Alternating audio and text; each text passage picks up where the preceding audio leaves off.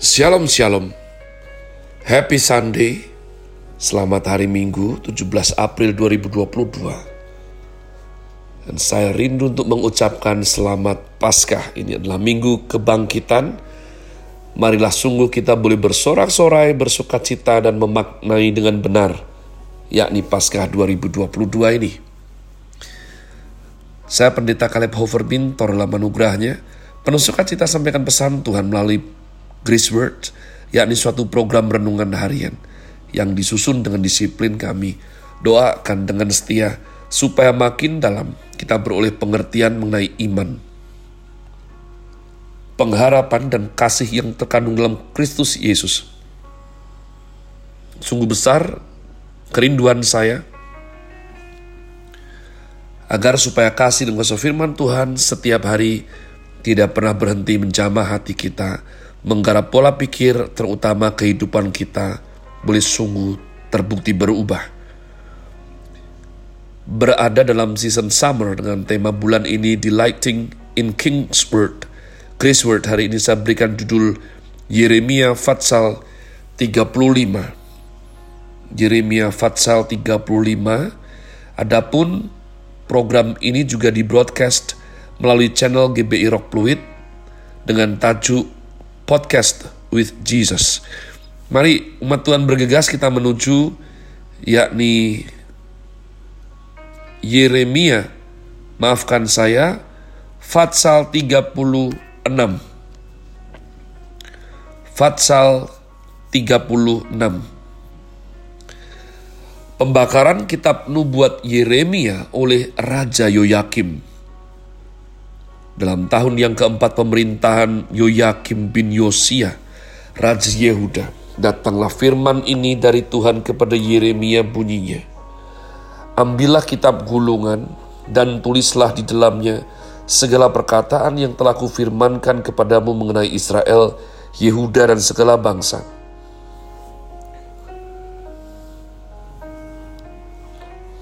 Dari sejak aku berbicara kepadamu, yakni dari sejak zaman Yosia sampai waktu ini.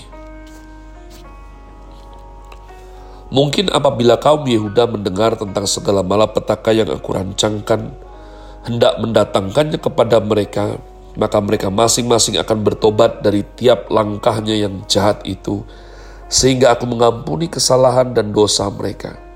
Jadi, Yeremia memanggil Baruch bin Neria, Lalu Baruk menuliskan dalam kitab gulungan itu langsung dari mulut Yeremia. Segala perkataan yang telah difirmankan Tuhan kepadanya.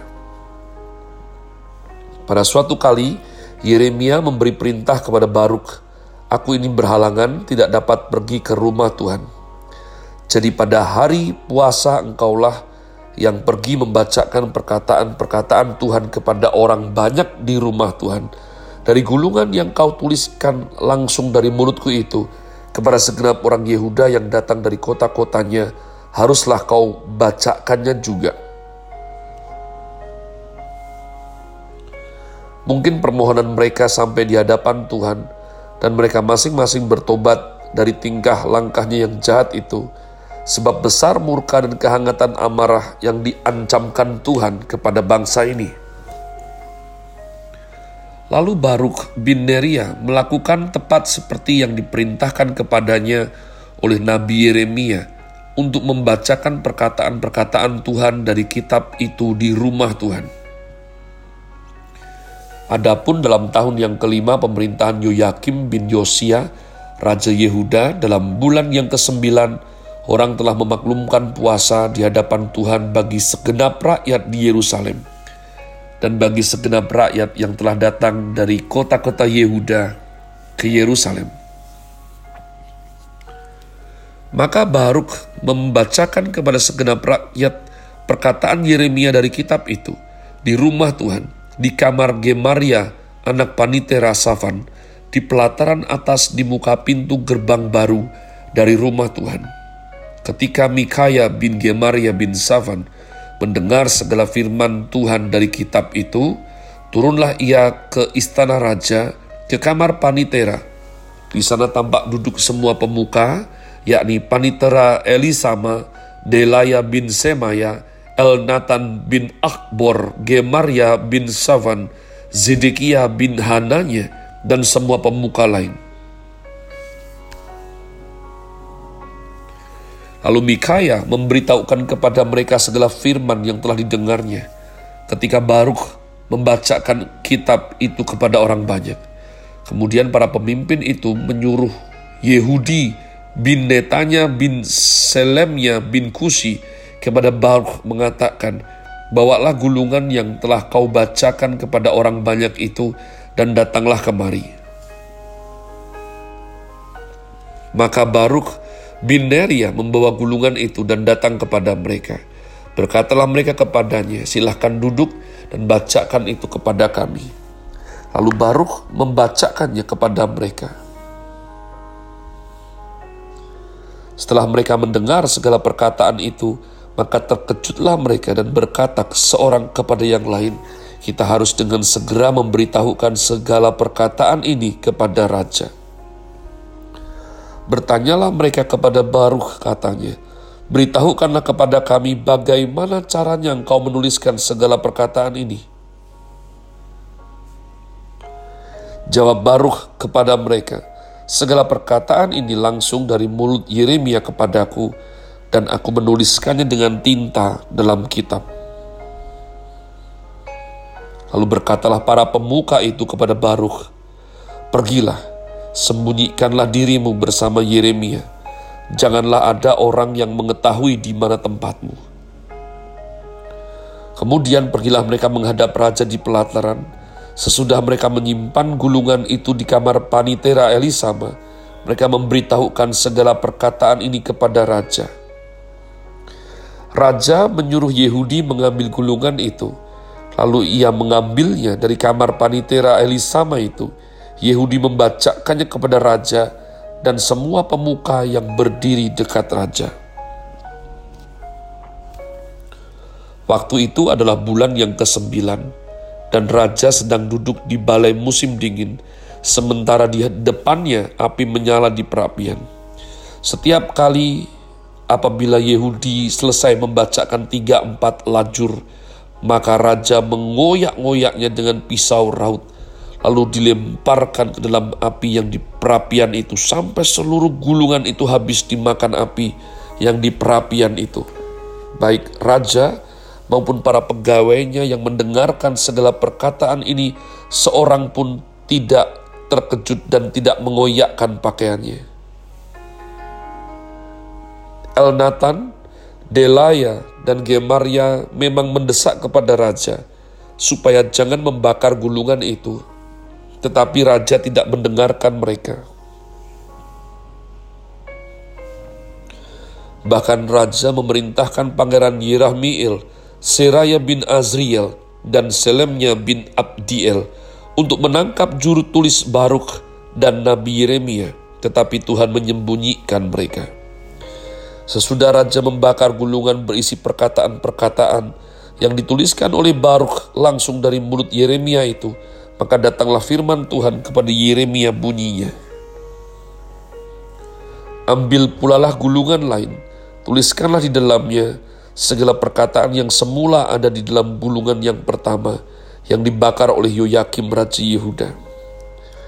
Mengenai Yoyakim Raja Yehuda harus kau katakan, Beginilah firman Tuhan, engkau telah membakar gulungan ini dengan berkata, Mengapakah engkau menulis di dalamnya bahwa Raja Babel pasti akan datang untuk memusnahkan negeri ini dan untuk melenyapkan dari dalamnya manusia dan hewan?' Sebab itu beginilah firman Tuhan tentang Yoyakim, Raja Yehuda.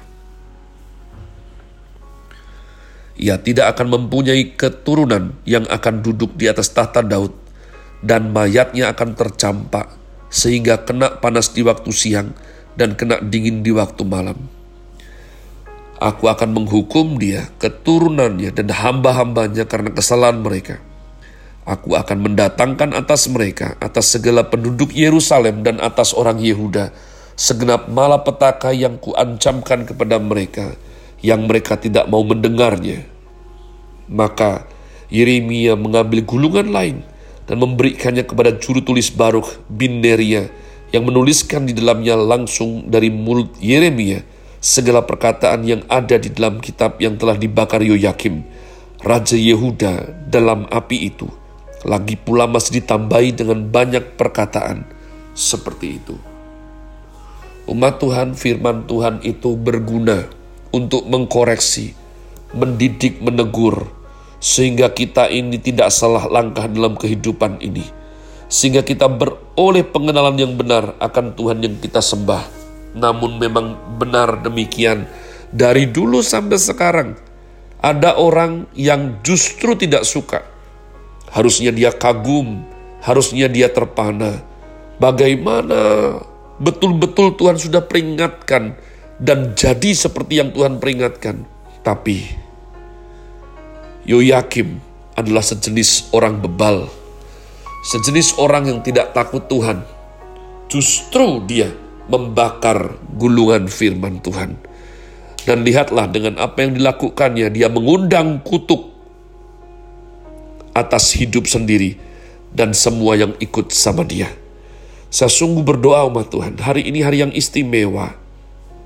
Hari ini, 2000 tahun yang lalu Tuhan Yesus bangkit, mengalahkan maut, mematahkan kutuk, sehingga engkau dan aku boleh hidup dalam berkemenangan di dalam janji-janjinya. Saya berdoa supaya engkau percaya dan hidup sesuai daripada firman yang sudah diucapkan, dituliskan, dan diberikan Tuhan dalam hidup kita. Happy Sunday, Tuhan Yesus memberkati saudara sekalian. Sola Grazie.